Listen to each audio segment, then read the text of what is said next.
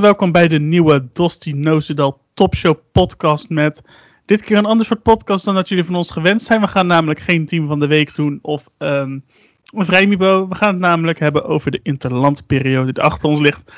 Nou, is ook uh, tijd voor wat vragen van, van jullie, van de luisteraars. Maar laten we eerst beginnen met het begin. Uh, Dosti, hoe is het? Ja, goed. Nou ja, goed, want uh, ons huis is, heeft zich ook aan het coronavirus moeten onttrekken. Want ja? mijn pa testte vorige week positief. En een paar dagen daarna mijn moeder en ik negatief, nog steeds. Mm -hmm. En afgelopen maandag testte mijn moeder voordat ze naar werk ging positief. Alleen ik ben nog steeds negatief. Ik heb gisteren getest, vandaag getest. En op een of andere wonder, op een of andere rare manier ben ik nog altijd negatief. Zo sta, Ja. ik, ook in het, zo sta ik ook in het leven blijkbaar. maar ja, nou ja goed, voor, zodat ik, nou ja, omdat ik nog steeds negatief ben, kan ik nog steeds naar buiten, kan ik nog steeds boodschappen doen. Want ja, mijn pa is nu eigenlijk wel uit quarantaine, dus die kan ook Mhm. een aantal dingen overnemen. Maar mijn moeder is eh, nu thuis een paar dagen en het gaat op zich wel goed. Mijn moeder had gisteren nog wat spierpijn en lag veel te slapen. En vandaag Mhm. gaat het een stuk beter. Alleen daarom eh, moet, het uitkijken, moet ik er nog steeds uitkijken of ik eh uiteindelijk niet positief test de komende dagen. Want het blijft natuurlijk blijft vervelend als je iemand anders corona geeft natuurlijk. Ja, nee, dat, eh, dat is helemaal waar. Eh, in ieder geval beterschap aan je moeder. En eh, hopen natuurlijk dat jij het niet krijgt. Nee, nou ja, we- aan, de, aan de andere kant, als je het wel krijgt, je moet het wel een keer krijgen. Het is niet, het is niet onmogelijk. Je moet het toch een keer gaan krijgen. Het komt toch wel een moment dat je het een keer krijgt. Dus dan mag gelijk nu, dan ben je er ook vanaf. Nee, Dus- dat Ik vind het niet erg om te krijgen. Alleen ja, je gaat het natuurlijk niet opzoeken. Als je het krijgt, krijg je het. Maar je gaat natuurlijk niet extreem lopen opzoeken. Of, dus ik probeer wel heel veel afstand te houden en heel veel mijn handen te wassen. Dus als ik ergens aan zit waar ik denk, hé, hey, daar kan mijn moeder ook hebben aangezeten. Dan ga ik wel gewoon wel handen wassen en dan heb ik ook een doekje bij. Dus je neemt wel zoveel mogelijk maatregelen als het kan. En als je het uiteindelijk krijgt, ja, dan krijg je het. Dan is er niks aan te doen. nee, precies, precies. Nou, in ieder geval, eh, zo, nogmaals, zoals ik zei, be- beterschap namens, eh, namens heel Podcast United team. En eh, laten we het lekker gaan hebben over de interlandperiode. Dus we gaan het even wat, wat positief, een positieve draai geven. Ja. Eh, heb je genoten gisteren van Nederland-Duitsland? Ja, ik heb heel erg genoten. Ik vond het een hele leuke wedstrijd. Vooral natuurlijk, weet je, Nederland-Duitsland. Kijk, ik vind dat het wordt altijd neergezet als klassieker en het wordt altijd zo groot gemaakt. Want ja, Nederland-Duitsland, maar ja, ik vind het wel een beetje overdreven. Ik bedoel, het is, het, is, het is natuurlijk een mooie wedstrijd, maar ik vind niet dat het zo groot moet worden gemaakt door de media en alles. Het is gewoon twee, eh, twee landen naast elkaar, buurlanden. En eh, in het verleden zijn er veel leuke wedstrijden en eh, momenten gebeurt natuurlijk met Rijkaard en Vuller. Bijvoorbeeld eh, Koeman die zijn eh, onderbroek of zijn eh, kont mee afveegt met het shirt van, eh, ik weet niet precies wie het was.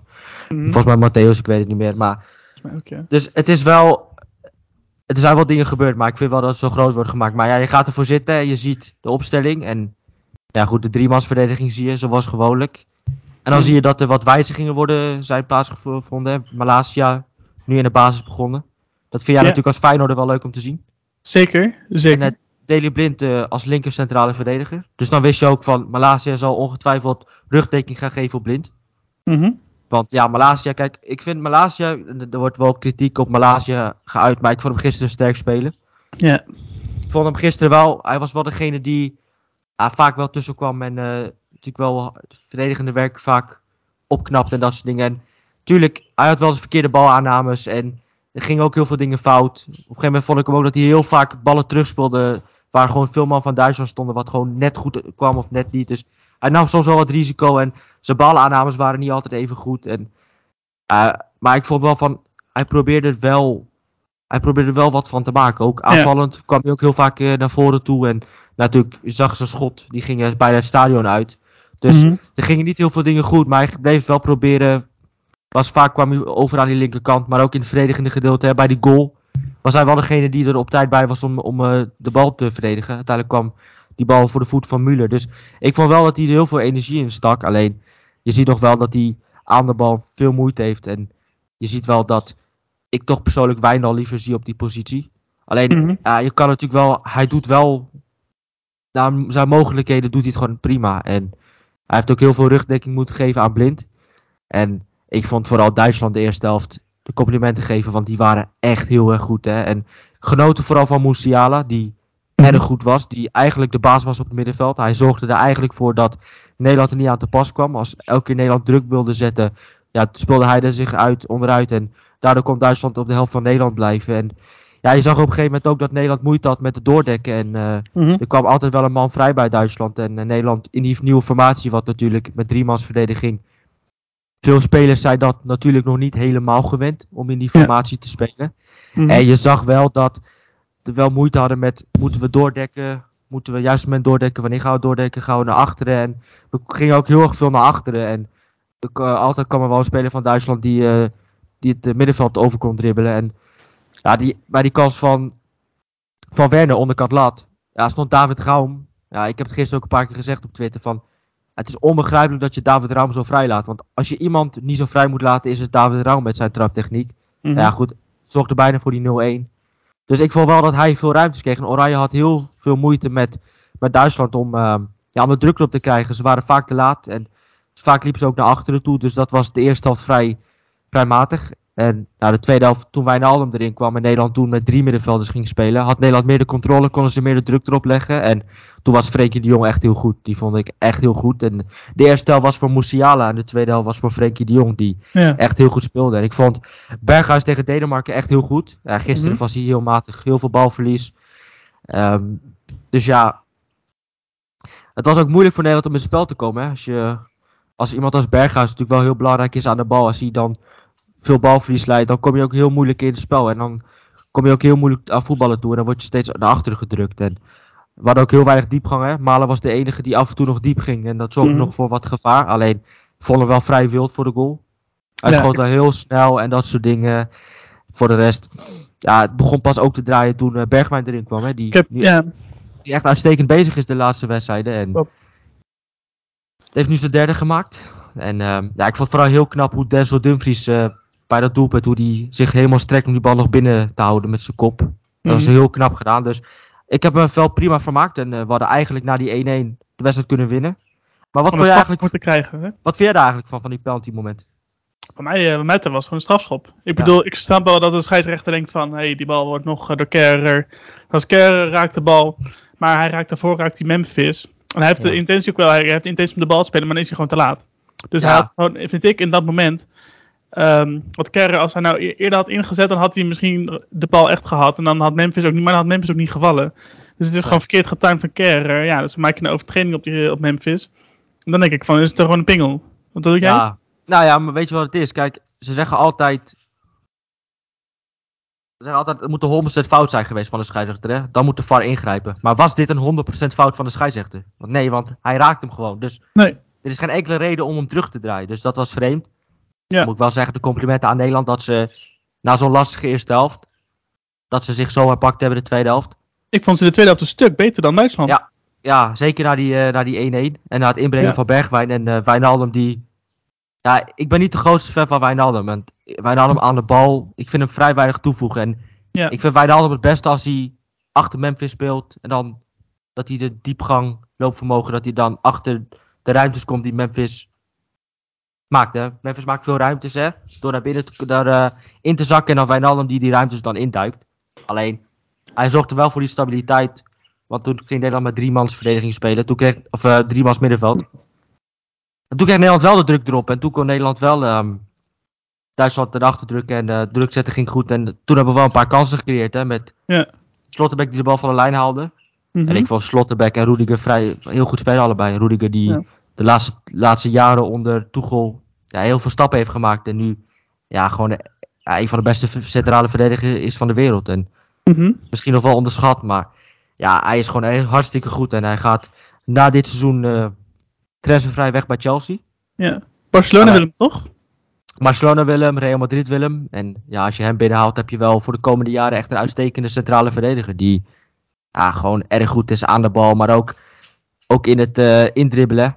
Ook heel veel, ook zijn meters maken zonder bal. hè. Heel veel meters maken zonder bal. Dat zie je ook bij Chelsea. Ja. Die elke keer op, mee opkomt, mee opstoomt. Ja, fysiek heel sterk, echt een atleet. Dus als je hem binnenhaalt, heb je echt een fantastische centrale verdediger. Ja, nee, dat, dat denk ik ook. Wat ik ook wel grappig vond, je, ik hou altijd een beetje van de, de dingen die ja, bijna een beetje buiten het veld of buiten het spel om gebeuren. Ik moest wel lachen om Rudiger na afloop van de wedstrijd, toen hij nog op het Ja. veld stond.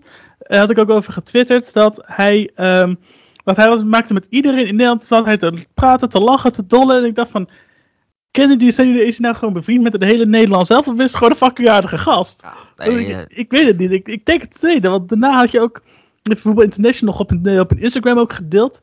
Had je Ja. de persconferentie Ja. waarin, eh, waarin, Rudiger, eh, waarin Rudiger aanschop. En het geluid al drie keer toe wegviel. Of in ieder geval dat je een van de holle, holle stilte hoorde. Nou, dat zorgt natuurlijk ook voor een, voor een hoop hilariteit. Zowel bij de pers als bij. Rudiger zelf. Dus dat vond ik wel heel grappig om, eh, om Zeker, te dus- zien. ik heb daar enorm van genoten. En van die wedstrijd sowieso. En eh, ook een paar dagen ervoor Nederland-Denemarken. De eerste helft was Nederland echt heel goed. Hè, met echt een hele goede Frenkie, hele goede Koopmeiners. Ik vond die twee echt heel goed. Had je had echt voetbal op het middenveld. Hè, met Frenkie, met Koopmeiners en Berghui- eh, Berghuis. Ja. Die waren echt heel goed. En ja, goed, de tweede helft kwam Eriksen erin.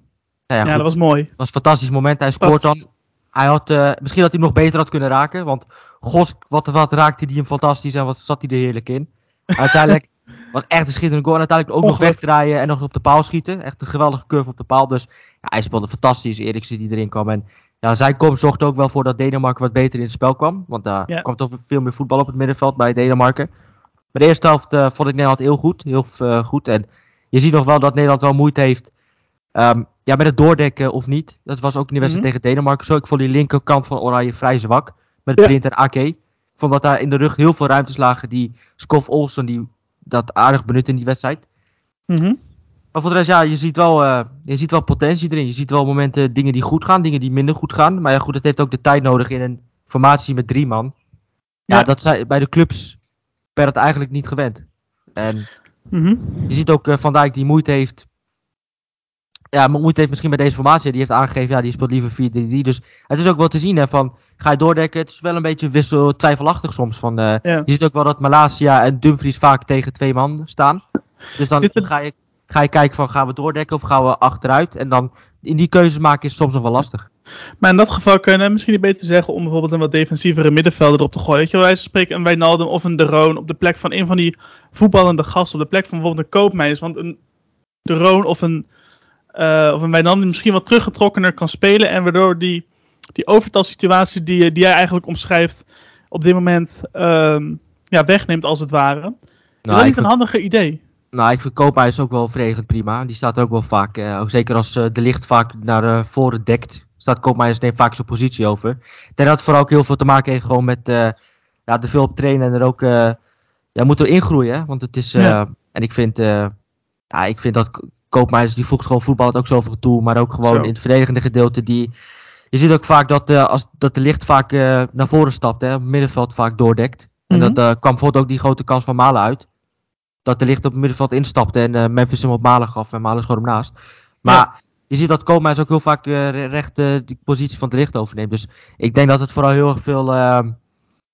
je speelt ook tegen echt een heel goed Duitsland. En laten we ook eerlijk zijn. Musiala die was gewoon het hele middenveld de baas. Het middenveld lag Mhm. gewoon in de handen van Duitsland. En dat lag ook echt aan een geweldige Musiala die gewoon niet te pakken was. Ja. Nederland kreeg gewoon geen, geen, eh, geen grip op Musiala. Mhm. En je ziet ook dat Duitsland, er zit zoveel beweging in. En Ja. dus er kwamen gewoon heel veel mensen vrij. En Nederland kreeg de druk er niet op. Dus je speelde ook tegen een, echt een heel goed eh, Duitsland. En Ja. ja. je ziet dat Nederland gewoon ja, vrij moeite heeft met in deze formatie. Gewoon om, om keuzes te maken. Van, eh, dus dat moet nog wel eh, nog aangesleuteld worden. Maar goed, we hebben nog, we hebben nog eh, acht, acht, acht maanden volgens mij tot het, tot het WK. Dus het is ook een kwestie van... ehm, ja, van wennen. En kwestie, kwestie van gewoontes en een kwestie Ja. van hoe- lossen we dit op. En er moet naar worden gekeken. Maar je ziet een aantal goede dingen, maar ook een aantal mindere dingen. En dat Ja. is natuurlijk hartstikke normaal.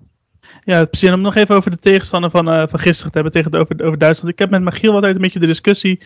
Wat is nou het, grootste, het grotere talent? Wie komt er uiteindelijk verder in zijn carrière? Is het Musiala of is het Wiers? Ik ben team Musiala en, en Magiel is team Wiers. In welk team zit jij? Dat is ook weer een eh, moeizame vraag. Ja, ik stel geen makkelijke vragen vandaag, hè? Even kijken. Nee, ja, ik vind, ik vind Musiala echt een hele, denk ik wel echt een fijnere voetballer. Ja. Dat vind ik echt een hele fijne voetballer. Weet je, als je gisteren ook zag hoe die, eh, hoe die wegdraait en eh, hoe moeilijk onder grip te krijgen. Hè? Ja. Er werd, de- ik dacht dat je ging vragen wie van je grote talent, Musiala of Frenkie, want daar ging het om. Het ging vooral om wie wordt er beter. Dat, eh, daar ging het gisteren om in de wedstrijd. Mhm. Zei de commentator ook. Er gingen dagen van, eh zeiden van Musiala is een groter talent dan Frenkie. Wo- Wordt er beter speler dan Frenkie wordt. Ja. Dus ik dacht dat je dat ging vragen. Maar Nou, Ja, die ik vraag vind- wil ik ik ook vind- stellen. ik vind Florian Wirtz echt geweldig. Ja? Maar ik vind Musiala ook echt heel goed. Dus ja, ik, maar ja, het is heel lastig om te zeggen. Ik- Florian Wirtz heeft eh, veel meer rendement op dit moment. En eh, Ja. ik denk dat Musiala wel de fijnere voetballer is. De, echt de, de fijnere voetballer. Dus ze hebben allebei hun eigen kwaliteit. En ja, team, ik ben niet echt team wie. Ik geniet gewoon van allebei. Ik vind allebei fantastische spelers. En hetzelfde Ja. geldt voor Frenkie en Musiala. Zijn ook fantastische spelers. Dus ja, ik vind het altijd moeilijk om, te, om daarin keuze te maken van wie is er beter. En spelen allebei bij een andere club in een andere formatie. Een andere, dus, en iedereen heeft zijn eigen kwaliteiten. Ze ziet Musiala echt een hele fijne voetballer. Fijne techniek in de kleine ruimtes. En Florian is ook een hele goede en fijne speler. Maar die heeft natuurlijk iets meer rendement. Speelt ook iets meer naar voren toe. Iets meer het loopvermogen ook. Heb Ja, ook het idee. En ze speelt ook in een ander elftal. Het, het draait natuurlijk bij, bij Leverkusen draait het natuurlijk om, vaak om Wiert, Diaby. En bij Bayern draait het ook vaak om Lewandowski. Dus Müller, Lewandowski, Müller is natuurlijk wel degene die het meeste... De me, het is natuurlijk, Müller en Lewandowski zijn natuurlijk wel degene die het meeste aan de bal komen. De meeste ja, doelpunten en assists geven. Dus, en terwijl Florian Wirtz bij Leverkusen vaak op de positie van Müller speelt. Dus het is ook wel een beetje... ehm, het is niet, niet, niet fair om, eh, om die twee te vergelijken en om te kijken. Maar ik vind het allebei fantastische voetballers. En ja, het is natuurlijk heel jammer dat Wiertz zo lang eruit ligt. Want Ja. ja, hij was echt bezig aan een, echt een fantastisch seizoen. En als je vraagt, ik vind wel, als je vraagt wie vind je beter, eh Wiertz of eh Havertz, Mhm. maar dan denk ik wel Florian Wiertz. Ik vind Florian Wiertz echt een hele fijne speler. Ik vind Florian Wiertz echt een hele goede voetballer. Ja. En ik denk dat ik hem toch wel iets verfijnder vind eh, dan, eh, dan Havertz. En, ehm, maar ja, goed, ik vind Havertz, Havertz is dit seizoen ook weer goed, is, dit ook wel goed bezig, de laatste tijd. Ja. En, ehm, maar goed, als je het aan mij vraagt, Havertz of, ehm of Wiertz, denk ik Gewoon omdat ik Wiertz gewoon een, eh, het is meer, het is gewoon meer eh, eigen, eigen iets, weet je wel. Ik vind, andere mensen zullen Havertz zeggen, maar ik vind gewoon, ik kan, ik vind die techniek van Wiertz en, eh, ja, hij is natuurlijk ook gewoon een stuk kleiner, hè. Dus een stuk wendbaarder en een stuk, ik vind dat, vind dat wel een mooie voetballer. Ik vind, ik vond Havertz ook een fantastische voetballer, hè, met zijn loopvermogen en hij heeft ook Mhm. een goede techniek. Maar ik heb, ik heb iets meer met Wiertz. Maar al blijft Havertz natuurlijk ook echt een geweldige voetballer, hè. Hoe die Ja. tegen Newcastle die bal aannam, en er is gewoon, dus eh, ik vind allebei, ik vind, eigenlijk, ik vind allemaal fantastische voetballers. En er is voor mij niet echt een onderscheid in te maken van, ja, wie is er beter en team wie. Iedereen heeft zijn eigen kwaliteit en iedereen speelt ook in een heel ander elftal. eh, met heel andere spelers om zich heen. Ja, nee, eh, goed antwoord. Net als de vergelijking van Haaland en Mbappé. Ja, vergelijken. Nee, dat ook niet dus. vergelijken. Ik snap dat de vergelijking gemaakt moet worden, want ze willen toch een nieuwe Ronaldo versus Messi. Alleen, wat, wat, je, wat ik wel wat ik vind is, kijk, een Mbappé die zit altijd, speelt altijd in een team met supersterren ook al om zich heen. Dus het is, ik zou wel eens een keer willen zien hoe Mbappé zich gaat houden in een situatie waarin Haaland zich zit, die zowel bij Dortmund als bij Noorwegen het hele team draagt. En bij Frankrijk en bij Paris Saint-Germain heeft hij dat niet, want heeft hij Neymar om zich heen, Verratti, eh, Messi, eh, Griezmann, noem ze allemaal maar op. Ja, al moet ik wel zeggen, Mbappé draagt Pa- Paris wel hoor, de- dit seizoen. Echt, echt heel erg.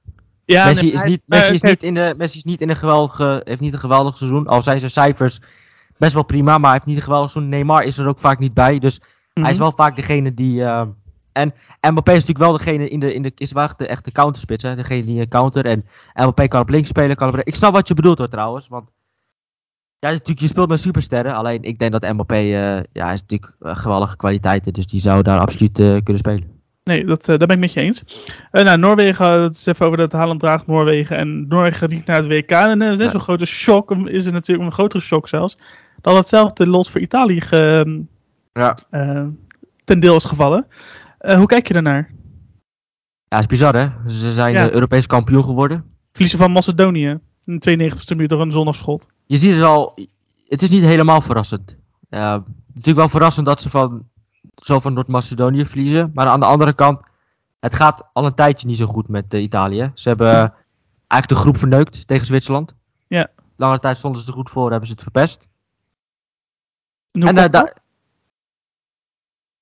Ja, ik, ik moet toch heel eerlijk zeggen, ik ben, ik ben kijk, Immobile vind ik, vind ik fantastisch. Hè? Bij uh, laatste doet hij het fantastisch. Maar ja, bij Italië voegt hij gewoon heel weinig toe. En ik Ja. vind het wel aanvallend wel broos. Als je ziet ook gisteren dat Raspadori begon in de basis. Die scoort twee keer.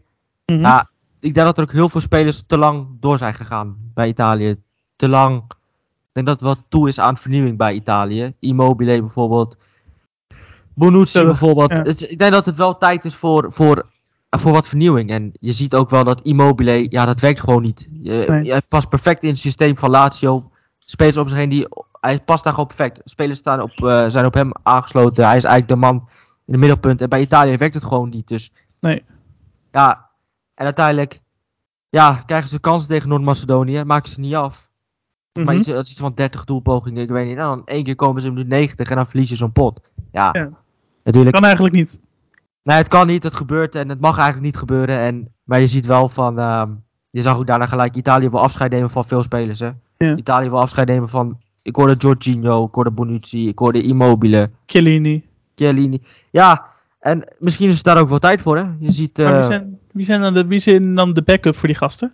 ja, ik vind bijvoorbeeld, eh, die speelt mij in de, in de driemansverdediging, maar die vind Mhm. ik, ehm, kijk hoe heet hij ook weer, Bastoni. Vind ik een Bastoni, fantastische, ja. Bastoni vind ik een fantastische centrale verdediger.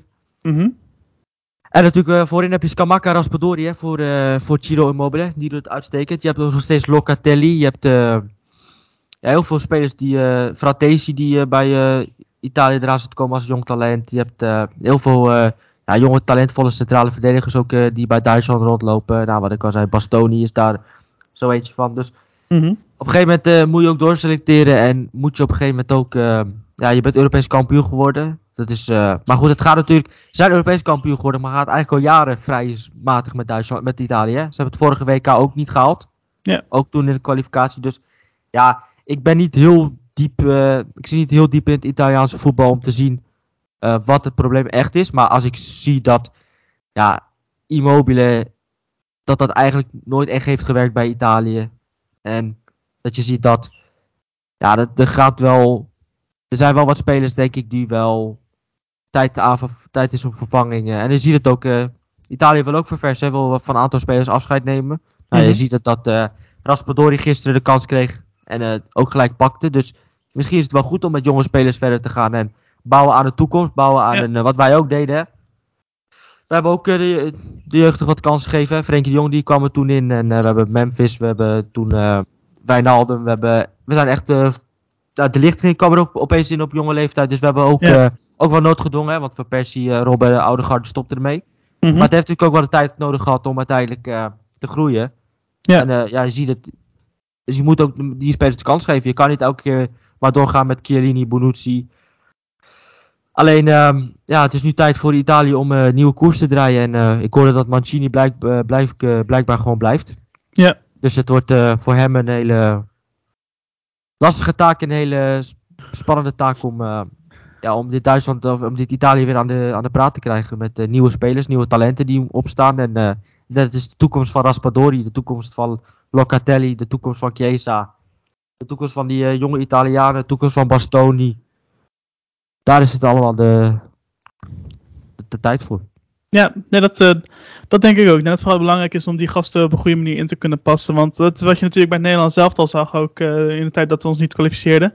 Was dat je, je zag de talenten waren er wel, alleen je had zeg maar een soort overgang nodig tussen die twee. Tussen de generatie van Persie, Robben, Snijder, Kuit. Naar de generatie Frenkie, Matthijs en ehm Ja, Bergwijn, ik noem ze maar even wat. ja nou Weet je is wat, toen dachten we natuurlijk ook, toen dachten we natuurlijk ook op dat moment niet. Weet je wel, in die tussenliggende periode, toen waren bijvoorbeeld spelers als, als Van Dijk, Berghuis en Sillissen, weet je wel, die waren toen al wel, weet je wel, die, die hebben eigenlijk beide generaties een beetje meegemaakt. Want toen op dat moment, als op een gegeven moment, was, was een of andere reden was Berghuis onze enige hoop op een linksbuiten, of op rechtsbuiten, weet je wel. Ja. Dus dat is een hele lastige situatie om te kijken, van, oké, wanneer gaan ze nou die goede doorselectering doen en je moet ook een beetje geluk hebben, weet je. Want als we hebben nu, nu Berghuis even noemen. Weet je, maar die was natuurlijk altijd rechtsbuiten. Weet je wel, altijd ook al bij Feyenoord rechtsbuiten geweest. Bij AZ, Watford. Ga naar Ajax, wordt centraal voor de centrale middenvelder. Doet het hartstikke goed eigenlijk. En op zo'n manier past hij dan weer in het systeem van en van Ten Hag en van Van Gaal. Zeker. Ja, en eigenlijk, je moet ook eigenlijk kijken of je zo'nzelfde speler bij Italië kan vinden. Die het allebei wel heeft meegemaakt, weet je wel. Dan zeggen ze, Jorginho zou ik sowieso erbij houden. Ik zou een Chiesa. Moet Ja, eigenlijk je belangrijkste man worden. Eventueel nog Bernadette, ook al speelt hij niet altijd. Die moet eigenlijk ook al bij een club gaan komen spelen waar hij die altijd speelt. En als je dat voor elkaar weet te boksen bij Italië. Weet je, ik ben ook geen, ik ben, ik ben ook geen insider. Weet je wel, ik denk dat daar veel beter een. Gasten van Lo Stadio, die hebben daar een podcast over gemaakt. Ik denk dat dat een hele slim is om die te gaan luisteren. ja. Ehm, maar ik denk dat je zo, zoiets ook moet gaan zoeken. Dat je ook spelers moet durven doorselecteren. En dat is het probleem in Italië natuurlijk. Want in, daar wordt voor mij Raspadori, die is voor mij 29, wordt daar als talent gezien. Ja, dat, dat kan natuurlijk eigenlijk niet. Weet je, in internationale voetbal, weet je, het, in Italië, in Nederland zijn we misschien een beetje vast, waren we vastgeroest. En, en dan zijn we nu een beetje van ons, ons Johan Cruijff principe, 4-3-3 principe afgestapt. En dat heeft succes. Ik snap niet dat ze dat in Italië moesten dat ook gewoon gaan doen nu. Ja, en je ziet dat Duitsland, he uh, Duitsland, ik zeg het Duitsland. Italië heeft natuurlijk ook wel uh, veel goede spelers, hè. Ook ja. veel echt talent, hè. Locatelli hebben ze natuurlijk. Uh, mm -hmm. Wat ik al zei, Fratesi heb je daar nog rondlopen. Je hebt uh, Chiesa natuurlijk, wat je al zei. Je hebt natuurlijk ook Spinazzola die nog terugkomt op, die ja. natuurlijk heel belangrijk was in het Italië. Je hebt Di Lorenzo op rechtsback die erg goed is. Dus hier en daar heb je heel veel talenten rondlopen. En voor de toekomst, nou ja, als je ziet ook ik heb ook wel vaak Jong Italië bekeken, lopen ook wel heel veel goede spelers rond. Dus op een gegeven ja. moment moet je dat wel gaan doen. En Immobile, ja, het heeft gewoon niet gewerkt. Het heeft gewoon niet gewerkt bij Italië. En bij heel veel clubs waar die, werkt, waar die speelde heeft het niet gewerkt. En bij Italiaanse elftal ook niet. Dus op een gegeven moment wordt het tijd om... Uh, ja, Chiesa is natuurlijk nu wel langere tijd geblesseerd. En Italië had wat blessureproblemen en wat andere problemen. Dus ze misten wel wat spelers tegen... Maar ja, goed, je had Noord-Macedonië absoluut moeten verslaan. Dus voor de rest... Er zijn... Uh, Italië moet bouwen aan de toekomst, hè? Ja. En daar zijn ze nu aan het doen. En wat zijn nu spelers aan het. Uh, spelers nu, nieuwe spelers aan het gebruiken. En de spelers die er niet meer passen, wat ouder zijn en niet meer werken, die, ja, die gaan ze ook niet meer selecteren. Dus ze zijn al bezig aan verjonging. En ja, wie weet kunnen ze de volgende WK, ja, dat, dan zullen ze er waarschijnlijk wel bij zijn, denk ik. Dat, dat heb ik voor ze. En nog even het, la het laatste over Italië. Je had het dus net al over dat je heel veel naar jong Italië zit te kijken. Wat zijn nou vanaf daar, vandaar de namen die wij in de gaten moeten houden? Poeh. Um, is ook wel, het, het, ik heb er voor op de vorige WK, uh, EK even gekeken. Als ik even de selectie erbij pak van uh, Jong Italië. Pak hem er ook even bij. Jong Italië. Uh, op bij Kaya, die loopt er ook zo'n goede middenvelder rond. Even kijken. Even kijken, jongens. Heb hier de zo, onder 21. Zo moet je toch, zo moet je op de een of andere manier. Ja, natuurlijk hebben. Daar natuurlijk ook nog Barella. Hè? Dus uh, ze hebben natuurlijk heel veel jonge talenten die spelen dan niet in de onder 21. Maar als je gaat hebben over uh, talent en over spelers voor de toekomst. Dat zijn wel spelers voor, uh, voor in de toekomst natuurlijk. Mhm. Mm Kijken jongens. Hey. Even, pak het er ook even bij. Eens kijken wat we nog kunnen vinden. Eens kijken. Italië. Oh, Ricky, voor mij wel een goede toch? Ja, ja, Ricky is een hele goede. Van, uh, die is van uh, Spezia naar Torino gegaan. Uh, groot talent. Die doet het. Er zou ook wel iemand voor de toekomst zijn natuurlijk. Dus er lopen echt wel flink wat talenten rond. Alleen, ja, je moet natuurlijk wel als talent. ze hebben natuurlijk ook nog Pessina. Die speelt ja. dan wel het Italiaanse elftal al. Dat is ook een groot talent. Dus qua talent in Italië is het, is er natuurlijk geen gebrek. Maar je moet die spelers toepassen. En ze moeten, wat je al zei, je moet ook een beetje geluk hebben. En het moet allemaal ook in elkaar passen natuurlijk.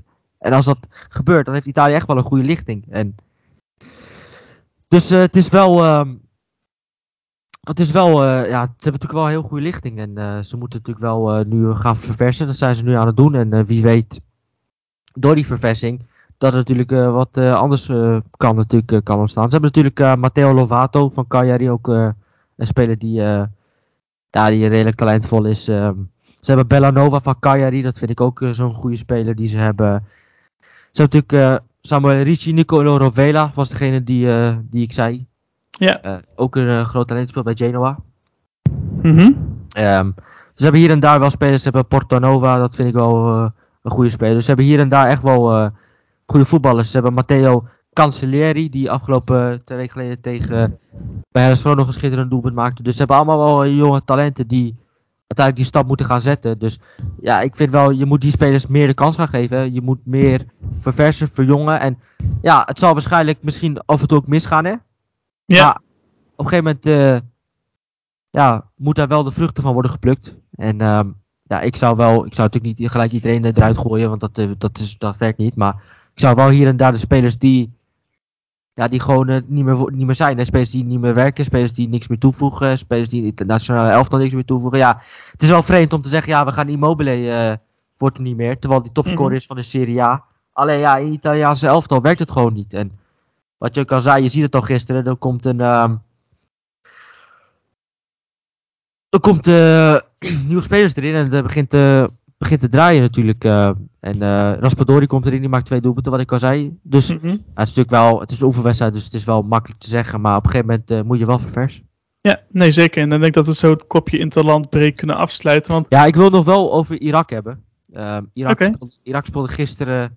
Ga je zeggen, ja, Irak, waarom, eh, wat is interessant aan Irak? Nou, mijn ouders komen uit Irak, dus ik volg het Irakese voetbal wel.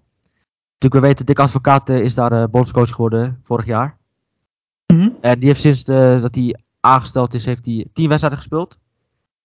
Vier verloren, zes gelijk gespeeld.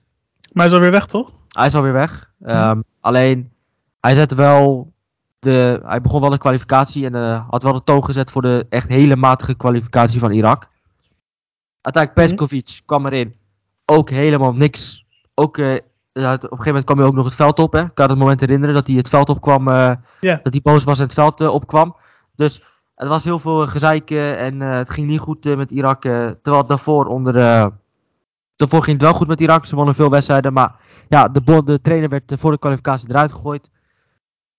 Met gezeik, gedoe, allemaal. niet omdat hij slechte resultaten haalde, maar gewoon er was flink wat gedoe en gezeik. Ook met geld en dat soort dingen. Dus en uiteindelijk nu hebben ze een Irakese trainer, Abdul Ghani eh Sahat. En die boekte een hele belangrijke zege tegen de Verenigde Arabische Emiraten. Die stonden namelijk derde. En derde gaf recht op een plekje in de playoffs. En er stonden vier punten voor op Irak. Nou, Irak won die wedstrijd met 1-0 afgelopen donderdag. Mhm. En dus eh, speelden ze gisteren in de belangrijke laatste kwalificatiewedstrijd. Speelden ze tegen eh, de laatste in de groep, Syrië. eh, Syrië. En Ja. eh, de Emiraten moesten tegen Zuid-Korea. Dus als de Emiraten niet zouden, als de Emiraten niet, niet zouden winnen. En Irak won van Syrië, zou Irak naar die laatste playoff wedstrijd gaan tegen Australië. Nou ja, goed, Irak won die wedstrijd niet, speelde 1-1. Heel veel kansen gehad. Ging niet in. En eh, op een of andere rare manier wist de Emiraten ook nog eens van Zuid-Korea te winnen. Nummer 1 in de groep. Dus Mhm. eh, met zon in de basis. Dus eh, speelde eigenlijk gewoon met een sterk elftal. Alleen de. Emiraten wonnen die wedstrijd. Dus ja, Irak heeft gewoon een hele matige kwalificatie gedraaid. Want ze hadden echt minimaal derde moeten eindigen. Ze hebben zoveel punten laten liggen in die groep. Dus mede ook ja, Dick Advocaat Petkovic die ja, daar wel ja, die, die een slechte reeks zijn ingezet natuurlijk. Want daarvoor eh, was Irak best wel goed bezig aan een goede reeks. Ja. Negen wedstrijden op rij niet verloren. Veel Mhm. overwinningen geboekt. En eh, ja, sinds die kwamen... En eh, Irak eh, blijft dus tot en met eh, 19... eh, blijft, de laatste deelname op een WK blijft voor Irak van 1986. Dus dat is lang geleden. Dat is uh, behoorlijk lang geleden. Was met Maradona. Die toen Ja. heel goed... En ze speelden ook tegen Maradona. Drie keer verloren. Tegen Argentinië verloren. Tegen Paraguay verloren. Tegen België verloren. Alright. Nou, Oh nee, dat is niet waar. Ze verloren van Mexico. Verloren van Mexico, Paraguay en eh, België. nou ja, dan eh, zonde. Maar goed, we gaan nu wel echt naar de kijkersvragen. Ja, de luisteraarsvragen. We, we hebben geen kijkers. Ehm, om te beginnen met die van eh, onze grote vriend Laurens Klein. Die vraagt: Ja.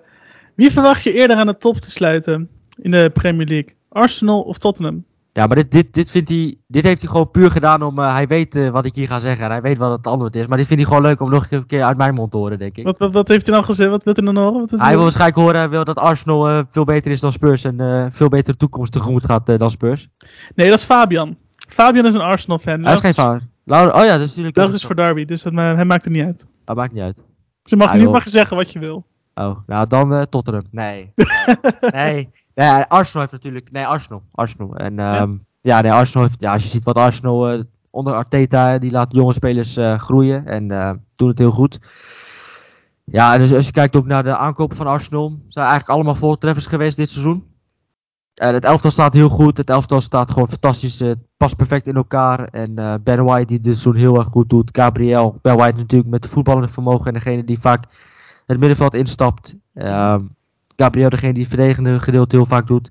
En als je dat Arsenal ehm, na zo'n matige start vierde geëindigd is. Het voetbal wordt met de week beter. Arsenal speelt echt fantastisch voetbal. Winnen wedstrijden. En als je ziet, eh, ja, ze gaan de Champions League in. Wat ook weer eh, aantrekkelijk wordt voor andere spelers om weer te komen. En als je ziet hoe Arsenal na een jaar dat ze eigenlijk een keer goede transfers hebben gedaan. Dat ze dan gelijk weer vierde eindigen. Ja, de toekomst ziet er goed uit voor Arsenal hè. En dat heel veel spelers, heel veel talenten nu ook eh, het aantrekkelijk vinden om nou, onder Arsenal, ja, onder Arteta te spelen. Want eh, Arteta maakt jonge spelers beter. Dat is ook aantrekkelijk voor spelers. Nou ja, goed, je ziet Cody Gakpo ziet het waarschijnlijk ook wel zitten om naar Arsenal te gaan. Nou is het tweede of, ze, of ik vind dat ze hem echt nodig hebben. Ja, denk ik dat is een vraag. Ja. Dat denk ik niet.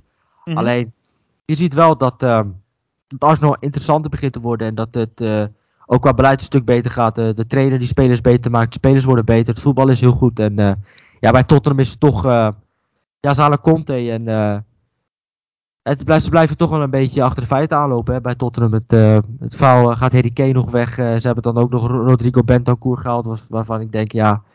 Wat moet je ermee? Ze hebben natuurlijk wel met Kulusevski echt een hele goede speler gehad. Die bij Ja. Juventus niet uit de verf kwam. Maar waar Tottenham heel goed bezig is. Mhm. Ehm, maar als je op dit moment aan mij vraagt, ja, wie gaat er een betere toekomst te- tegemoet, dan is denk ik Arsenal. En als ik dat een jaar geleden had gezegd, dan had iedereen me voor gek verklaard, denk ik.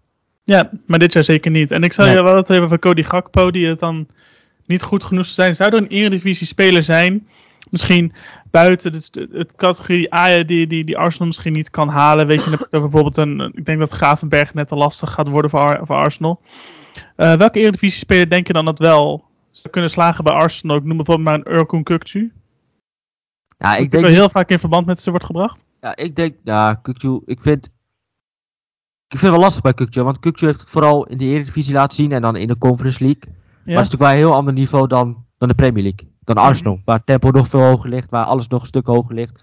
Of hij dat aan kan, Mhm. is lastig te zeggen. Ja. Maar ik, ik denk niet per se dat Gakpo niet bij Arsenal zou kunnen slagen. Ik vind het alleen. Ze hebben daar Smith Rowe, ze hebben daar Martinelli op die positie. Het is een Martinelli is degene echte links, midden, links, links buiten die daar speelt. Mhm. Martinelli is eigenlijk meer een valse linksmidden die vaak ook naar binnen komt, die vaak als middenvelder speelt. Maar er is gewoon veel concurrentie daar. Ik denk dat hij daar perfect past en dat hij daar ook wel kan slagen. Alleen, dat heeft gewoon te maken met heel veel concurrentie. Maar dat is wel een speler waarvan ik, en, eh, waarvan ik denk. Dus een speler die bij Arsenal zou- zou kunnen slagen en die komt niet van Ajax af, zeg je? Ja, Poeh, dat is. eh, ja, in theorie zou je zeggen, Madueke is een geweldige voetballer. Die, Ook Mhm. een Engelsman. Dus die zou perfect daar passen. Alleen ik vind Madueke de laatste maanden wel een stuk minder na zijn blessure. Zou eventueel ook daar mee te maken kunnen hebben dat hij. Dus voor de rest, wie zou daar kunnen slagen? Ja, lastig. Ja. Lastig. Ik denk dat, dat, dat Kakpo daar best wel zou kunnen slagen. En, eh, maar wat ik al zei, er zijn gewoon heel veel. Je hebt gewoon heel veel eh, concurrentie bij Arsenal. ja. ja dat, is, eh, dat is altijd lastig. Daar heb je altijd mee te maken natuurlijk. Zeker. Alleen bij Arsenal is het wel extreem als je twee spelers hebt op die positie die daar kunnen spelen. Mhm. is natuurlijk wel twee, ook twee echt hele goede spelers. Hè? Het zijn echt twee Ja. hele grote, geweldige talenten, goede spelers. Dus dat wordt wel lastig voor eh Gakpo om daar eh, te slagen. Maar qua Ja. speler zelf en qua type speler past hij perfect bij Arsenal. Oké, nou inter- interessant. Eh, vraag voor Lord of the Winds. Hoe gaan Liverpool en City de Premier League, FA Cup en de Champions League verdelen? Eh, dus hij gaat ervan uit dat een van die twee clubs de Champions League gaat winnen. Ja. Dat, dat vind ik dus ook, dat, dat snap ik ook niet helemaal. Maar goed, we gaan ervan uit. Nou, dat snap ik wel. Ik denk dat die twee clubs zeker de Champions League, eh, zeker kans hebben zijn om de Champions League te winnen. Ik denk Uh-huh. dat we wel gro- grote kans hebben om de Champions League te winnen. De laten we beginnen met de Premier League. Ehm, City is de laatste weken minder bezig in de Premier League. Hè. Verspelen Ja. veel punten. Verloren van Tottenham. Gelijk gespeeld Mhm. tegen Crystal Palace. En Liverpool, ja, die wint eh, de wedstrijden redelijk stabiel. Hè. Ze winnen die Ja. wedstrijden redelijk. Ehm, nou, ze hebben laatst ook van buiten gewonnen. Nou goed, spelen nog tegen elkaar hè. Ja. Eh, volgens mij, als het goed is, op Anfield. Is die wedstrijd? Ja, Of is hij... Nee, is niet op Anfield. Is, ik weet niet waar eh, die is, maar maakt niet uit. West is in de Etihad. West is in Ja. Etihad, want eh, het werd 2-2 bij Liverpool. Dus ze spelen nog eh, tegen elkaar. Ehm, dus ja, ik, heb ik ken het hele programma niet uit mijn hoofd. Maar ja, ik denk uiteindelijk dat City wel kampioen moet worden met de selectie die ze hebben. En met, eh, als je ziet hoeveel... ook als ze wisselen, dat, dat heel veel goede spelers daar op de bank zitten. Denk ik wel dat City wel kampioen moet worden. Alleen, ze maakten zichzelf wel echt heel lastig hè. De laatste weken door veel punten te laten liggen. Want op een gegeven moment stonden ze acht punten voor. Stonden ze op een gegeven moment eh, flink voor. En eh, ja, ze hebben gewoon te veel punten laten liggen. hè. Southampton tot, eh, tegen Tottenham. Twee keer niet gewonnen van Crystal Palace. Dat is een Mhm. beetje de Go Eagles van, van Engeland voor, voor Manchester City. Ja, Dus ja, ik denk City. Dus, dus het wordt wel lastig. Maar ik denk dat City de Premier League wel gaat winnen. Alleen Ja. wordt het wel heel spannend. Dus, eh, maar ik denk op basis van kwaliteit, op basis van breedte van de selectie, dat City uiteindelijk wel kampioen wordt. oké, en dan gaan we door naar de FA Cup. Dat is wel lastig, want dat is één wedstrijd hè. Dat is een finale Ja. is één wedstrijd, dus dat kan alle kanten op. Ik denk dat het, ehm, dat het de penalty serie wordt. Net als eh, de Carabao Cup. Mhm. En dan denk je dat Liverpool hem eh, wint. Je moet, bij dit moet je ook een beetje gokken, hè? Want dit is natuurlijk wel. je gaat een beetje gewoon gokken en een beetje proberen in je hoofd een scenario voor te stellen. Dus ik denk dat dit eh, een hele leuke 2-2 wordt. En dan Liverpool op penalties eh, winnen ze hem. Nice. En dan als Eh. laatste de FA of Champions League. Ja, de Champions League. Even kijken. Real Madrid zit er natuurlijk nog in. Bayern zit er natuurlijk, natuurlijk nog in. ehm, Fika. moet dat nou weer, Maurits? Ik wil Nee, die wedstrijd proberen te vermijden. Maar Gaat Benfica zit. Ja, hij gaat opzommen, maar eh, Benfica zie ik niet als kans hebben. Ehm, maar als we gaan kijken, het, zou me, ja, het zijn wel twee, twee favorieten om de Champions League te winnen. En ik denk eigenlijk dat het voor City nu wel nu of nooit is. Als ze nu de Mhm. Champions League niet winnen, dan wordt het hem helemaal niet meer. En ja, City, eh, Liverpool speelt natuurlijk tegen Benfica. Ja. En City speelt tegen Atletico. Nou, deze Mhm. allebei wel een ronde verder moeten komen. Ja. En even kijken, Real Madrid speelt tegen Chelsea. Ja. Chelsea natuurlijk ook nog een kans hebben. Hè? Chelsea, ehm, ja, is Chelsea gewoon heel moeilijk te verslaan. Gewoon heel eh, stabiel elftal. eh, verdedigend gewoon heel goed onder eh Tuchel. Dus ook een kans hebben. Maar ja, ik denk dat... ehm ja, het is lastig hoor, want er zitten gewoon heel veel goede ploegen in. Maar ik denk dat City, Liverpool, Chelsea, Bayern en Real... Dat zijn wel de grote, grootste kanshebbers. Dus Ja. ligt er ook een beetje aan, aan de loting die je krijgt. Maar Mhm. Ik denk dat beide ploegen wel een grote kans maken om hem te winnen. Maar wie hem gaat winnen van de twee, of misschien winnen ze hem allebei niet, dat kan ook. Dat is moeilijk te voorspellen. Nee, ja, ik, ik denk dus dat Real Madrid hem gaat winnen. Maar goed, dat is mijn, eh, mijn eh, korte voorspelling. Als, ik Eh, moet, vo- als ik moet voorspellen, dan zeg ik eh Bayern München. Oké, cool. Bayern München Eh, of City. ja. Een van de twee. Check. Eh, dan gaan we even naar de volgende vraag van Rens SCH, uh, Heerenveen supporter denk ik. Ja. Hoe verklaar je het matige seizoen van Everton? Ze hebben volgens mij een aardige selectie. En denk je dat ze het redden? Gaan ze het redden? Moet ik even de Everton erbij pakken. Eh, waar het ligt dat Everton niet zo goed doet. Aanvallend ligt het be- best wel een probleem. Scorend vermogen is lastig. Ehm, ze scoren gewoon heel weinig goals. Ze hebben 29 keer gescoord. Ehm, dat is evenveel als Watford. Mhm. Staan daarbij. eh er staan 17, maar staan ook 17 als het gaat om het aantal goals die ze gemaakt hebben. Dus ze maken gewoon heel weinig goals en krijgen ook heel veel goals tegen. Het verdediging, de verdediging is gewoon heel matig.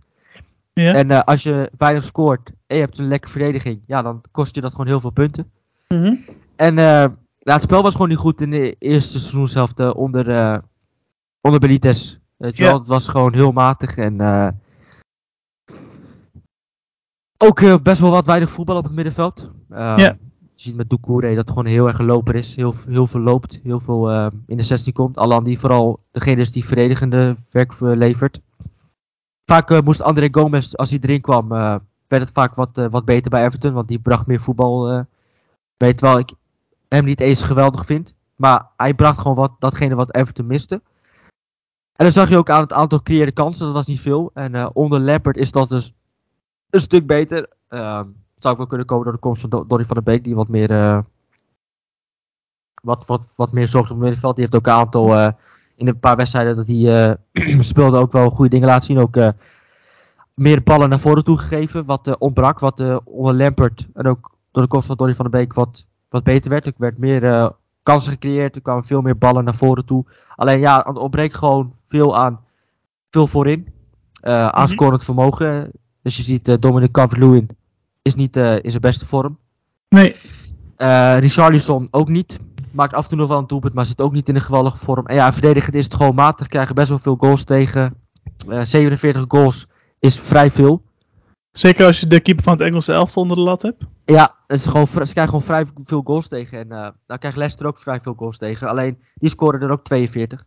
Ja. Eh, Everton, die, ja, die, die eh, krijgen veel goals tegen, maar scoren ook weinig goals. En wat ik al zei, ja, het voetbal was ook stukken minder. Het middenveld was gewoon, eh zat gewoon heel, zit gewoon heel weinig voetbal in. En, Ja.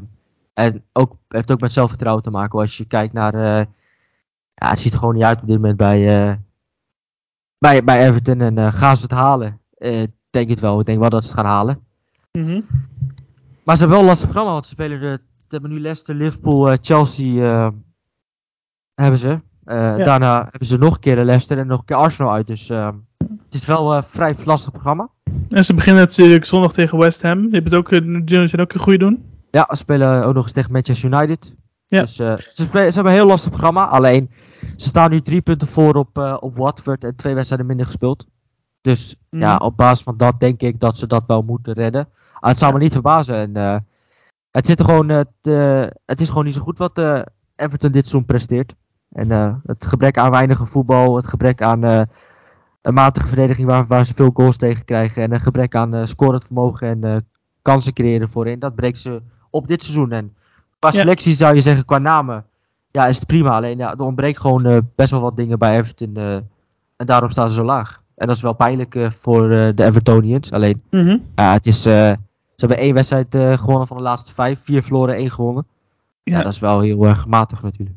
Dus het Lampard-effect is wat dat betreft nog niet echt aan het... eh, nou ja, je zag wel... Ja, je zag...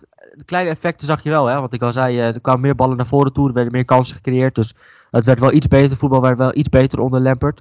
mhm. Ehm, alleen, ja, het is gewoon heel moeilijk om dat in één klap om te draaien. Om dat helemaal om te draaien. Om ook, eh, hij haalde uiteindelijk wel overwinningen. Het eh, zat er wat beter uit. Alleen ja, het gebrek... het is heel moeilijk omdat... want ja, het, is, blijft hetzelfde elftal voorin, hè. De aanval blijft hetzelfde. En wat ik al zei... Met Donny van der Beek kwam er iets meer voetbal in op het middenveld. Eh, Mhm. iets meer paasjes naar voren toe. Wat ook eh leidde natuurlijk dat Everton eh, in die wedstrijd met 3-0 won. Laatst. Dat, Ever, dat van der Beek ook de beste man was op het veld. Want hij was degene Ja. die ballen iets meer vooruit gaf. Die meer risico's nam. Everton wat meer naar voren. Daardoor wat meer naar voren kwam. Alleen ja, het gebrek aan scorend vermogen en eh, verdediging. Ja, dat is heel moeilijk op te lossen in, eh, in het periode. Dus het is geen wonder, Dr. Lampert. Je ziet wel een aantal dingen veranderen. Vooral het spel aan de bal. Alleen ja, het afmaken en, en de verdediging blijft wel lastig. Ja, nee, eh, helemaal mee eens. Gaan we naar de vraag van Ed Thijs Crooked Leg, ook al bekend als Halleluja. Hij heeft twee vragen. Om te beginnen, wie wordt de Dark Horse op het WK? Oeh, Dark Horse op het WK. Nou, er zijn wel een aantal landen waarvan ik denk, eh, Denemarken is zo'n land. Eh, is altijd wel zo'n land die ver kan komen. Ze hebben echt wel eh, goede spelers. Hè. Ze hebben Damsgaard, die net terug is van de blessure. Vind ik een hele Mhm. goede voetballer. Ja, Christian Eriksen. Die het afgelopen EK niet eens bij was. Hè. Die, we- Mhm. Terwijl eh, Ar- eh, Denemarken toen de halve finale haalde, was zelfs zonder Eriksen. Ja. Nou, die hebben ze dan aankomende WK als goed is wel bij. Nou, ze hebben echt een fantastische doelman met Schmeichel. Dat vind ik echt Ja. een geweldige doelman. Ze hebben Christensen achterin. En eh Kier is natuurlijk nu geblesseerd, moet ook nog terugkomen. Mhm. Ze hebben Vesterkaart nog. Ze hebben Jokie Melen die het daar uitstekend doet. Ja. Ehm, dus ze hebben hier en daar echt wel fantastische voetballers. En ehm Breedweit, ook blessure, moet ook nog terugkomen. Eh, ze hebben nog Doorberg achter de hand. Dus ze hebben hier en daar echt wel goede spelers achter de hand. Ze hebben Heuberg. ehm, die bij Tottenham vind ik gewoon een hele goede voetballer. Zeker voor Denemarken, voor het elftal. Eh Delaney, Thomas Delaney. Dus dat is wel een dark horse, denk ik, eh, op het WK om in de gaten te houden. En hoe ver En- denk je dan dat ze komen? Ja, het ligt ook aan de loting. Dat is natuurlijk vanaf nu heel lastig te zeggen. Alleen eh ligt ook, ook aan wat de groep is. Maar eh, ja, Mhm. ze moeten sowieso de groepsfase kunnen overleven. En Ja. eh, dan eh, moet je kijken. Maar je hebt ook landen als Servië, vind ik ook een dark horse. Als je kijkt naar, eh, ze hebben Milenkovic achterin. Milenkovic achterin, waar door veel clubs aan wordt getrokken, vind ik een hele goede verdediger. Ze hebben Milinkovic Savic. Ze hebben Tadic, ze hebben Mitrovic. Ze hebben Vlahovic. Dus ook wel een elftal om in de gaten te houden. Net als de Amerikanen. Ook een elftal in de gaten te houden. Hè, met Dest, met McKenny, met eh Busio bij Venetia die het heel goed doet. Ze hebben Sargent, natuurlijk Pulisic, natuurlijk. Sargent. Ze hebben ja, heel veel goede spelers eh, die daar rondlopen. Dus ook wel een dark horse. Ja. Dat zijn helemaal geen landen die, eh, waarvan ik verwacht dat ze het WK zullen gaan winnen. Maar het zijn wel landen om in gaten te houden aankomend WK. Zeker. Ik ben vooral zelf heel benieuwd naar Canada ook. Dus die hebben natuurlijk voor het eerst in eh, volgens mij 1990 volgens mij voor het laatst gekwalificeerd. Ja. En eh, die hebben ook een hele talentvolle lichting aan voetbal. Dus weet je wel, met Jonathan David, met Alphonse Davis, Hoylet, weet je wel, dat soort gasten zijn natuurlijk niet heel slecht. Nee, heb je Dus trouwens gezien eh, dat filmpje van eh, Davis? Ja, hij aan het mooi, streamen was, dat hij eh, zo emotioneel was toen ze... ja, dat was wel mooi. Ja, dat is top. Ja, dat is, die is geblesseerd trouwens, Jonathan... Davis. Davis, John, Al- Alfonso Davis, sorry. Alfonso Davis is natuurlijk geblesseerd, is nu terug op de weg terug. Mhm. Ehm, ja, die was aan het streamen, die streamt vaker op Twitch. en Ja. ja, ze, ja voor, voor hem mooi natuurlijk, voor hem een mooi podium natuurlijk om op een WK voor zijn land, Ja. om zichzelf daar te laten zien. En ja, dus eh, dat... eh, er lopen, Gezondheid. Dankjewel. Ik hoop geen coronahoesje, maar ik denk dat dat wel, ehm, ja, wel leuk is voor zo'n land. En, ehm, en natuurlijk, ehm, we weten natuurlijk allemaal waar het WK wordt gespeeld. Ik vind alleen Ja. wel, we hebben natuurlijk ook in Rusland gespeeld, we hebben ook in Brazilië gespeeld. Dus eh, ik vind als we daar hebben gespeeld, Ehm, ja, dan vind ik, ik vind het, eh, als je ook in Rusland hebt gespeeld, dan eh, zou ik niet weten waarom, eh, ja, waarom, hier ook, waarom hier ook zoveel druk over wordt gemaakt. Ja, natuurlijk, het is een verschrikkelijk land om te spelen, maar laten we eerlijk zijn, Rusland is ook geen, eh, was ook geen heilig land om te spelen. En eh, er worden ook heel veel toernooien, heel veel eh, wedstrijden gespeeld in Saudi-Arabië als het gaat om de, Mhm. om de koperwedstrijden. Ik vind het niet goed, alleen, ja, het, gebeurt wel. En, Ja. Het is niet van nieuw, het is niet van deze tijd. Het is niet dat, dat Qatar het eerste land is waar mensenrechten worden geschonden of daar waar het niet goed gaat, waar- we spelen. En, ja, Mhm. ik heb liever ook niet een WK in Qatar. Alleen, ja, het is niet nieuw, hè, want eh, we spelen al heel vaak in landen waar het niet goed gaat, met Brazilië en Rusland. En, eh, Ja. Dus eh, dat vind ik, het is niet van nieuw. Maar voor de rest, ik verheug me wel op het WK. En, een beetje jammer van de winter. Ja, ik vind het wel heel jammer. Dat Ik heb toch liever in de zomer barbecue, lekker weer, weet je wel, met z'n allen biertje in de tuin, weet je wel. Dat kan dan nu niet, dan moet je nu met eh lekker, Met een gluurwijn. met, ja, met een boerenkool en met een boerenkool naar de Nederlands elftal kijken, zou ik zeggen. Dan, dat, ja, maar eh, goed, eh, Is weer wat anders. weer wat anders. En vrijdag is de loting en de, ik heb eh, zo'n eh, proefloting gedaan. En dan kwamen we in, eh, terecht met de Qatar, Ecuador. eh, kijk, met welk land kwamen we er nog weer in, eh, even die proef eh, bijpakken. We kwamen in eh, met eh, Marokko, eh, Qatar en Ecuador. Nou, dat is ook leuk hè, Marokko. eh, dat zou denk Ja. ik eh, fantastisch zijn als we Marokko kunnen loten. Mhm. En ik denk dat het voor ons wel fantastisch zou zijn als we Qatar, Marokko en Ecuador loten. Want eh, dat lijkt me wel eh vrijplaatsing voor de volgende ronde. Dat lijkt me ook. En de tweede vraag die Halleluja stelde was: wie wordt de beste, wie is de beste vervanger voor Erik ten Hag? Je mag één naam noemen. Ja, dit vind ik lastig. Ehm Eén naam. En ik, naam. Vind het, ik vind het absoluut geen. Ik zie het absoluut niet gebeuren. En ik, ik zou het ook niet willen. ehm, maar Arne Slot. En ik zou het niet willen. Want ik vind dat hij doet het nu fantastisch bij Feyenoord. Hè, met eh, Frank Arnezen. Gewoon een fantastisch Mhm. duo. Ja. En ik vind niet dat. Dat we, ik vind het wordt wel gek van elke keer als eh Feyenoord het goed doet, dat gelijk naar Ajax toe. Ja. Eh, dat vind ik dan niet. Maar als je het hebt over echt. Als ik nu een naam moet noemen als perfecte vervanger, dan zou ik Arne Slot noemen. Alleen, ik mag zie- je ook ik nog een hem- realistische vervanger noemen. Realistische vervanger. Ehm, ja. Misschien Peter Bos. Alleen Peter Bos vind ik weer, weer past qua Ajax-filosofie perfect. Alleen, eh, ja. Geeft ook heel veel ruimtes weg en eh krijgt ook heel veel kansen tegen. En, dus ja, het is wel lastig. Ik, zie, ik heb daar vaak over nagedacht, maar 1, 2, 3 zie ik niet echt een perfecte vervanger. Maar als je. Ja, een perfecte vervanger is denk ik echt Arne Slot. Als je het echt over een perfect. En misschien Wim Jonk, die bij Volendam laatste weken iets minder doet. Maar dat vind ik ook wel echt een Ajax-trainer. Die heeft alleen Ja. wel problemen met. eh, met Van der Sar volgens mij problemen met, eh, met de Ajax-directie. Alleen eh, als je het Hm. hebt over een Ajax-trainer. Ondanks dat eh Volendam het de laatste week iets minder doet. Past hij qua filosofie wel.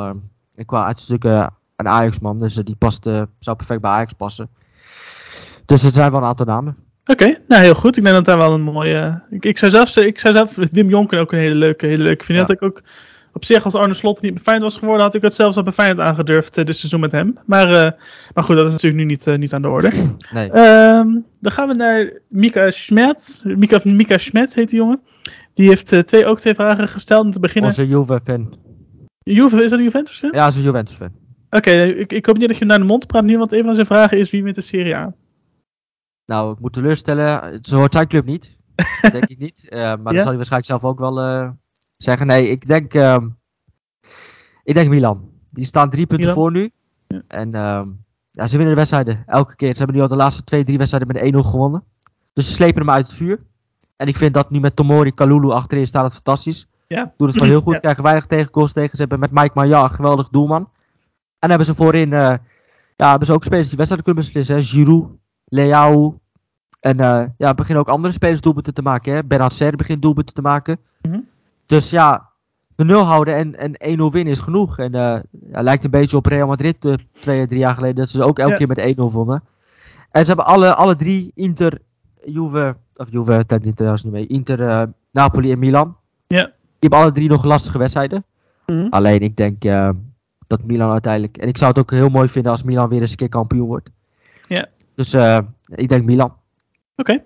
En zijn tweede vraag was: eh, van welke clubs in de lagere divisies, top 5 competities en KKD, hoop je dat ze promoveren? Uh, ik hoop Volendam in de, Eredivisie- in de Nederland. Want het is heel raar. Ik heb niks.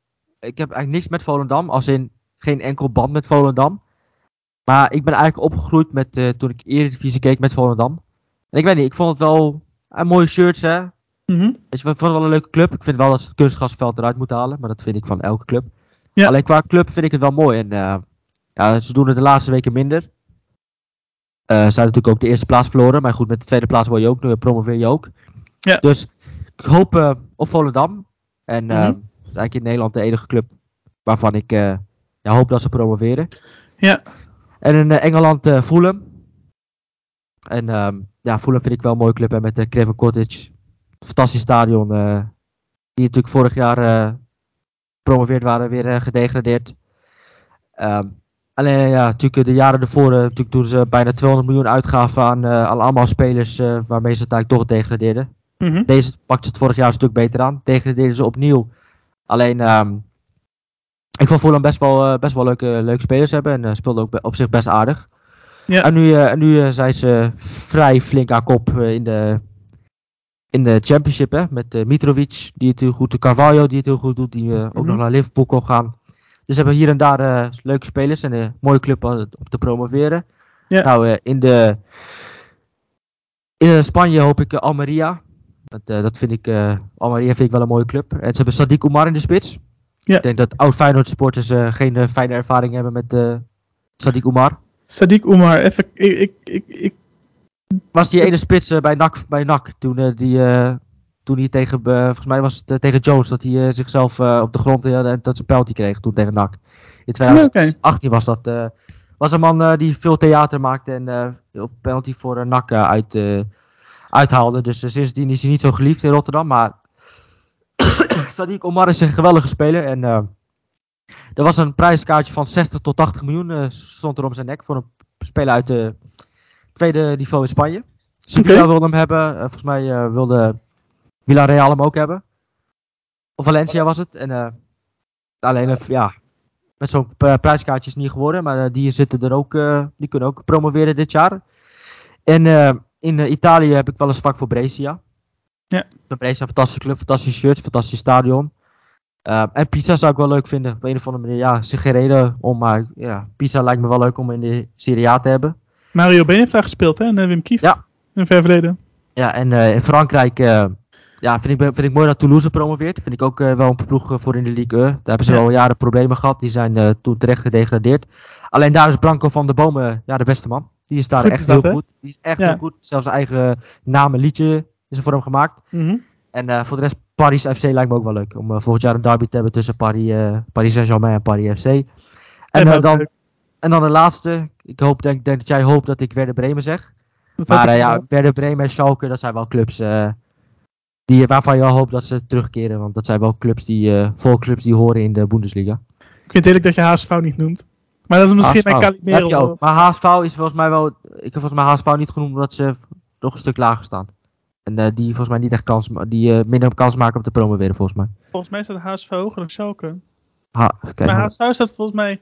volgens mij staat, HSV zesde en Schalke zevende of zo. Maar we gaan het even opzoeken.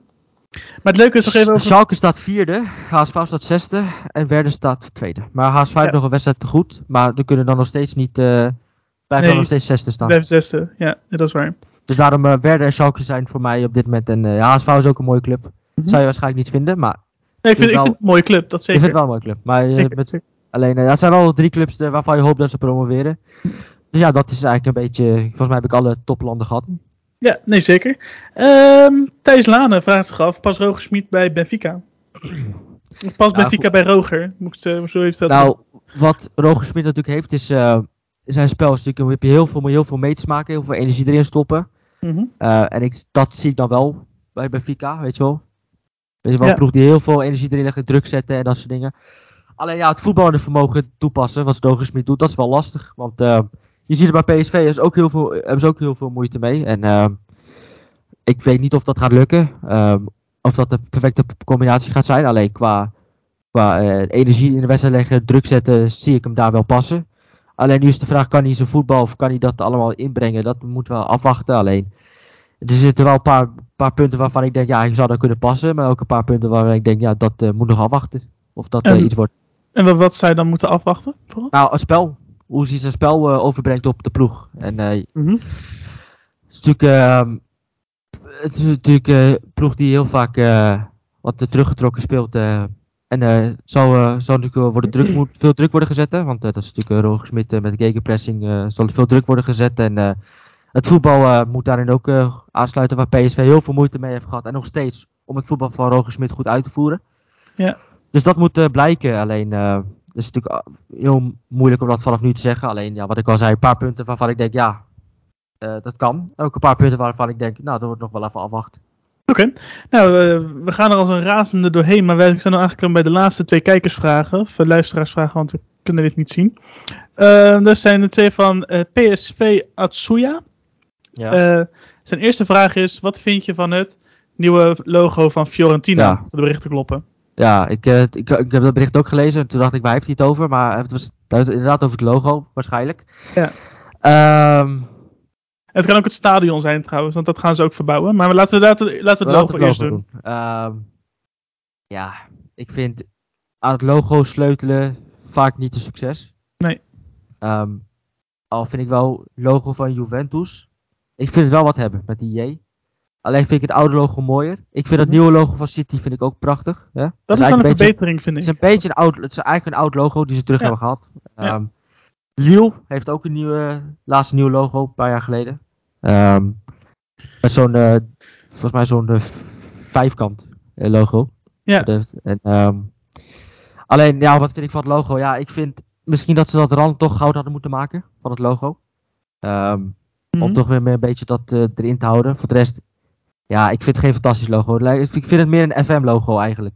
Ja, dat vind ik dus ook. Het is een Ik beetje normaal gesproken, veel, nu is het een soort van vierkant geworden. Ja. Maar het was eerst een beetje zo'n zo'n vierkant, maar dan met zo'n, die heel erg naar beneden uitgetrokken was. En Ja. zo nog allemaal mooie dingen. En nu is het eigenlijk een heel saai logo met gewoon een soort van rode V aan de onderkant. En ik, ik weet niet wat er allemaal in staat, maar het, Ja, het het zou, is niet het zou, mooier op geworden. het zou net zo goed door FM eh, kunnen zijn Ja. eh, gecreëerd. Dus eh, nee, ik vind het, niet, ik vind het niks. Ehm, alleen ja, de shirts zullen waarschijnlijk wel weer mooi zijn. eh, want eh, dat is vaak wel zo bij Fiorentina. Dus de shirts zullen wel mooi zijn. Alleen de logo maakt het wel Italië, als je het mij vraagt. Zeker. En, en eigenlijk gebruikt eh, Fiorentina deze logo's niet op de, op het shirt, hè, de oude logo. Ze gebruiken een ronde logo. Ja, nee, dat is dit jaar eenmalig, omdat ze zoveel jaar bestaan en ze wilden een uh, throwback vorig jaar, is dat ooit Vorig jaar is het gewoon het normale logo weer. Maar, Maar volgens mij hebben ze, wel, hebben ze volgens mij wel een paar shirts of het uitshirt of zo, dat ze wel vaak wel een ander logo voor gebruiken. Moet ik even Dat kijken. Nog- Maar eh, voor de rest, maar dat zou kunnen. ja, ja, met die van de voetbalshirts. Ja, Ehm, van de voetbalshirts, ja. Nee, ik heb nee, dat, ik klopt. heb dat, nee, dat- nee, klopt. Nee, ze hebben inderdaad, eh, dus, ja, nee, klopt. Je hebt gelijk. Eh, ik heb het vrij van ik dacht- Fiorentina met dat logo dat ze dit seizoen hebben. Heel, heel, hele mooie trui, zit heel lekker. Klopt, klopt. Ik dacht, eh, ik weet dan inderdaad dat het voor het, eh, voor het eh, aantaljarig bestaan is, maar ik dacht eh, voor het retro, eh, maar ik dacht dat de voorgaande jaren ook wel een paar shirts hadden met, eh, maar nee, eh, ja, ik vind het logo, eh, ja, ik vind het niet, eh, ik vind het niet, niet mooi. Maar eh, misschien moet je eraan wennen en eh, op een gegeven moment als je eraan gewend bent, maar voor nu, nee, ik vind het niet, nee, ik vind Ja. niks. Ik denk dat we dat bij Juve ook allemaal een beetje hadden. Weet je je zegt dat die Ja. J, weet je, aan, het begin toen ik het zag, dacht ik van jeetje, waar zitten we nou weer naar te kijken? Maar nu, Ja. je, bent er, je raakt eraan gewend. En Daar staat hij voor, hè? Dat van Fiorentina ook wel fijn zijn. De J staat er ook voor, hè, Jeetje. Wat? De J van Juve staat ook voor Jeetje. Ja. Jee. Ja. Jezus, wat slecht. Ja, ja daar, daar is hij voor gemaakt. Dat is eigenlijk ook een hele bedoeling erachter. Nee, Nee, dat, maar... dat snap ik hem wel. Nee maar, nee, maar ik vind het wel een clean logo van Juve. Ik vind het wel heel clean. Ik vind hem niet, ik vind hem niet mooi, maar ik vind het wel clean. Ik vind, ik vind het niet lelijk, maar Het past het is wel, ja, het is wel heel clean. Het is wel heel simpel. En dat vind ik Ja. ook wel, wil ook wel wat hebben. Het te hebben, inderdaad. Gaan we weer naar de laatste vraag van vandaag. We zijn er weer meer dan een uur aan het opnemen. Normaal gesproken duurt die podcast tussen ons twee nooit zo lang. Nee. Dus het Mijn is een hele... keel, eh, mijn hele keel is ook uh, naar de Ja. tering. En ik heb water drinken. Ja, en voor de mensen thuis, ik heb je dus meer dan een uur geleden een Pokéball besteld. Maar het ligt nog steeds onaangeroerd, omdat we nog aan, het- dat aan het opnemen zijn. Dus dan ga ik zo meteen lekker oppeuzelen als we, als we klaar zijn. Maar goed, nog één vraag. Ook van eh, PSV Atsuya, want, eh, we, noemen hem nog even. Eh, welke clubs uit de achtste tot, en met de twintigste competitie WFR-ranglijst aangehouden moeten we echt opletten in de komende Europese seizoen? Lees potentiële verrassers of gewoon leuke teams slash spelers? Eh, ja, ik heb eh, de ranglijst wel even bekeken. Want ik dacht, ik ga wel voorbereid hier zitten. Klasse. Ehm, ik heb gekeken tussen lag 8 en 20. Er zat bijvoorbeeld Oostenrijk tussen. Daar heb je Salzburg. En dan heb je echt eh, een aantal eh, goede spelers bij Salzburg rondlopen. Hè? Je hebt Karim Adeyemi, die best wel ja, hoog aangeschreven staat als groot talent. Ja. Barcelona wil hem hebben. Ehm, ik heb ook vaak gezegd, ik zou dat ook wel eh, vorig jaar nog, dat zou ik wel iemand van Ajax vinden. Ja. Alleen denk ik niet dat, eh, dat Ajax hem nu meer nog, dat Ajax hem nu kan betalen. Mhm. Dus dat is wel, ehm, dat is wel een dingetje waarvan ik denk, eh, dat is wel een speler om in de gaten te houden. En Salzburg is sowieso wel een club met altijd wel goede spelers.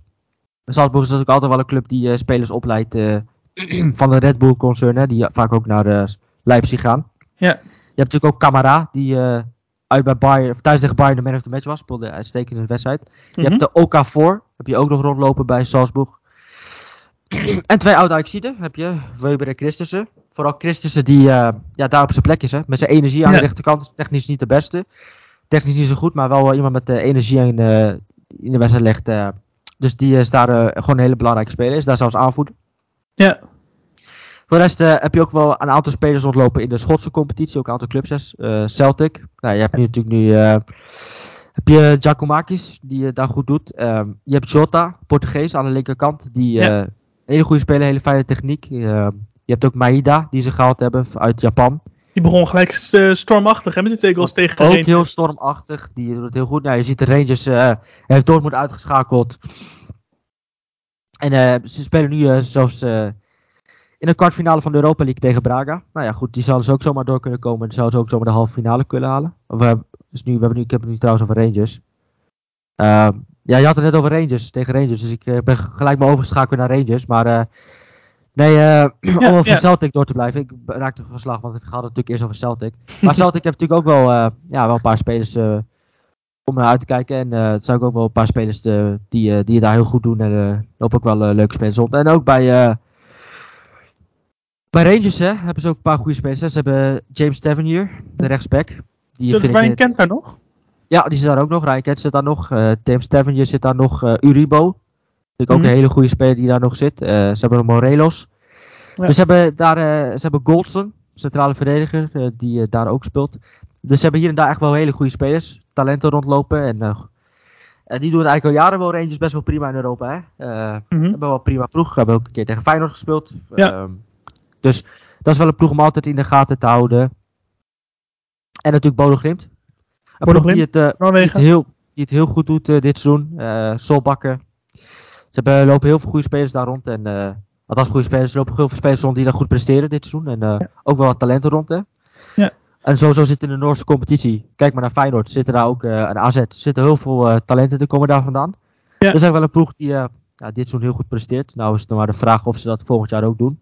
Ehm, maar ja, er zijn wel eh, hier en daar eh, wat namen en wat clubs die eh, van eh, nummer 8 tot en met 20 die zomaar, eh, ja, zomaar wat eh, kunnen presteren volgend seizoen in Europa. Oké, nou, ik ben, eh, ik ben heel benieuwd. Dus het staat genoteerd. En ehm, ja, dan zijn we alweer aan het eind gekomen van deze speciale aflevering van de Dostinoze del Top podcast. Want we hebben dit keer dus niet over, eh, niet, geen team van de week, geen vrijniveau, maar een, ehm, een, een rondje kijkersvragen en een rondje interlandvoetbal gedaan. Ja, Ehm, vrijdag, heb ik, vrijdag heb ik wel Michael van, van eh, Varenberg te gast, van eh Oh. Sportza en van eh, commentator en journalist. mhm. En, eh, van Eleven Sports. Sportza doet hij onder andere. Echt een La Liga kenner, La Liga Ja. fan. Dus daarmee ga ik het onder andere hebben over hem als persoon, ook over zijn werk als commentator en over La Liga. Ja. En wat, we wat ik ook van plan ben om te doen is einde van het seizoen.